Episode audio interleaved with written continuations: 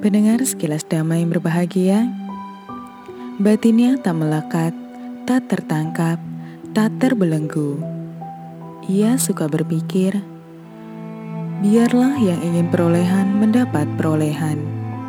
Biarlah yang ingin kebajikan berbuat kebajikan. Ia senang dan gembira terhadap perolehan orang lain, sebagaimana ia senang dan gembira terhadap perolehannya sendiri. Demikian penggalan Sang Yuta Nikayat 16 ayat 3. Maha Kasapa Sesepuh Biku Hutan Pipali adalah putra seorang hartawan. Sejak muda, ia sudah ingin menjadi petapa. Tetapi, keluarganya selalu memaksanya untuk menikah. Untuk menghindari pernikahan, Pipali membuat sebuah patung perempuan dan menyatakan bahwa ia hanya mau menikah dengan perempuan yang secantik patung itu. Ibunya kemudian mengutus delapan Brahmana untuk mencarikan gadis yang mirip dengan patung itu. Para Brahmana sepakat mencari ke kota Sagala di negeri Magadha. Sesampainya di sana, patung itu mereka letakkan di dekat kolam kota. Seorang pelayan perempuan, Bada Kapilani terkejut karena patung itu mirip dengan majikannya. Lalu para Brahmana bertamu ke rumah orang tua Bada Kapilani untuk meminang anaknya menjadi istri Pipali. Setelah restu didapat, pernikahan mulai dirancang. Akan tetapi, Pipali tidak ingin menikah. Diam-diam ia mengirim surat kepada Bada untuk menolak pernikahannya. Hal yang sama juga dilakukan oleh Bada kepada Pipali. Namun, siasat mereka ketahuan dan digagalkan oleh orang tua mereka.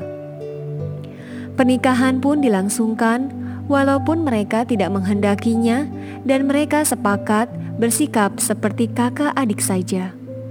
Keadaan ini berlangsung hingga suatu ketika Pipali melihat burung-burung sedang memakan cacing dan serangga di sawahnya. Pipali merasa bersalah dan ingin menjadi petapa saja. Hal serupa juga dialami oleh Bada. Mereka akhirnya setuju untuk menjadi petapa. Dalam perjalanan, mereka sepakat untuk berpisah. Ketika itu, bumi bergoncang. Saat bumi bergoncang, Sang Bagawa tahu Gempa ini adalah pertanda seorang siswa istimewa telah datang. Sang Bagawa lalu pergi untuk menyambutnya. Duduk di bawah sebatang pohon banyan. Ketika Pipali melihat Sang Bagawa, ia segera tahu. Ini pasti guruku. Demi ia, aku meninggalkan keduniawian. Pipali segera menyatakan berlindung kepada Sang Buddha. Bagawa memberinya nama Maha Kasapa dan mengajarinya Dhamma. Mereka lalu berjalan menuju Raja Gaha. Di tengah jalan, saat mereka akan beristirahat, Maha Kasapa melepas jubah luarnya, menggelarnya menjadi alas duduk Sang Bagawa. Sang Bagawa memuji kain jubahnya yang halus. Dengan penuh bakti, Maha Kasapa mempersembahkan jubahnya kepada Sang Bagawa dan sebagai penggantinya, Bagawa memberikan jubahnya kepada Maha Kasapa.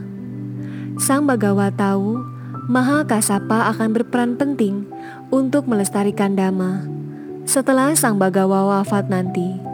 Dengan penuh semangat, Biku Maha Kasapa melakukan tapa keras. Pada hari ke-8, ia berhasil menembusi kesucian tertinggi Arahata. Sang Bagawa menyatakan sebagai biku yang unggul dalam laku tapa. Nantikan sekilas damai episode berikutnya yang berjudul Kembali ke Istana. Sekilas Dhamma spesial kisah hidup Sang Tata Gata akan hadir selama 100 hari menyambut Hari Waisak 2562 tahun 2021. Sekilas Dhamma dapat didengarkan melalui Spotify dan channel YouTube Cetia Dhamma Dayada dengan kata kunci Sekilas Dhamma.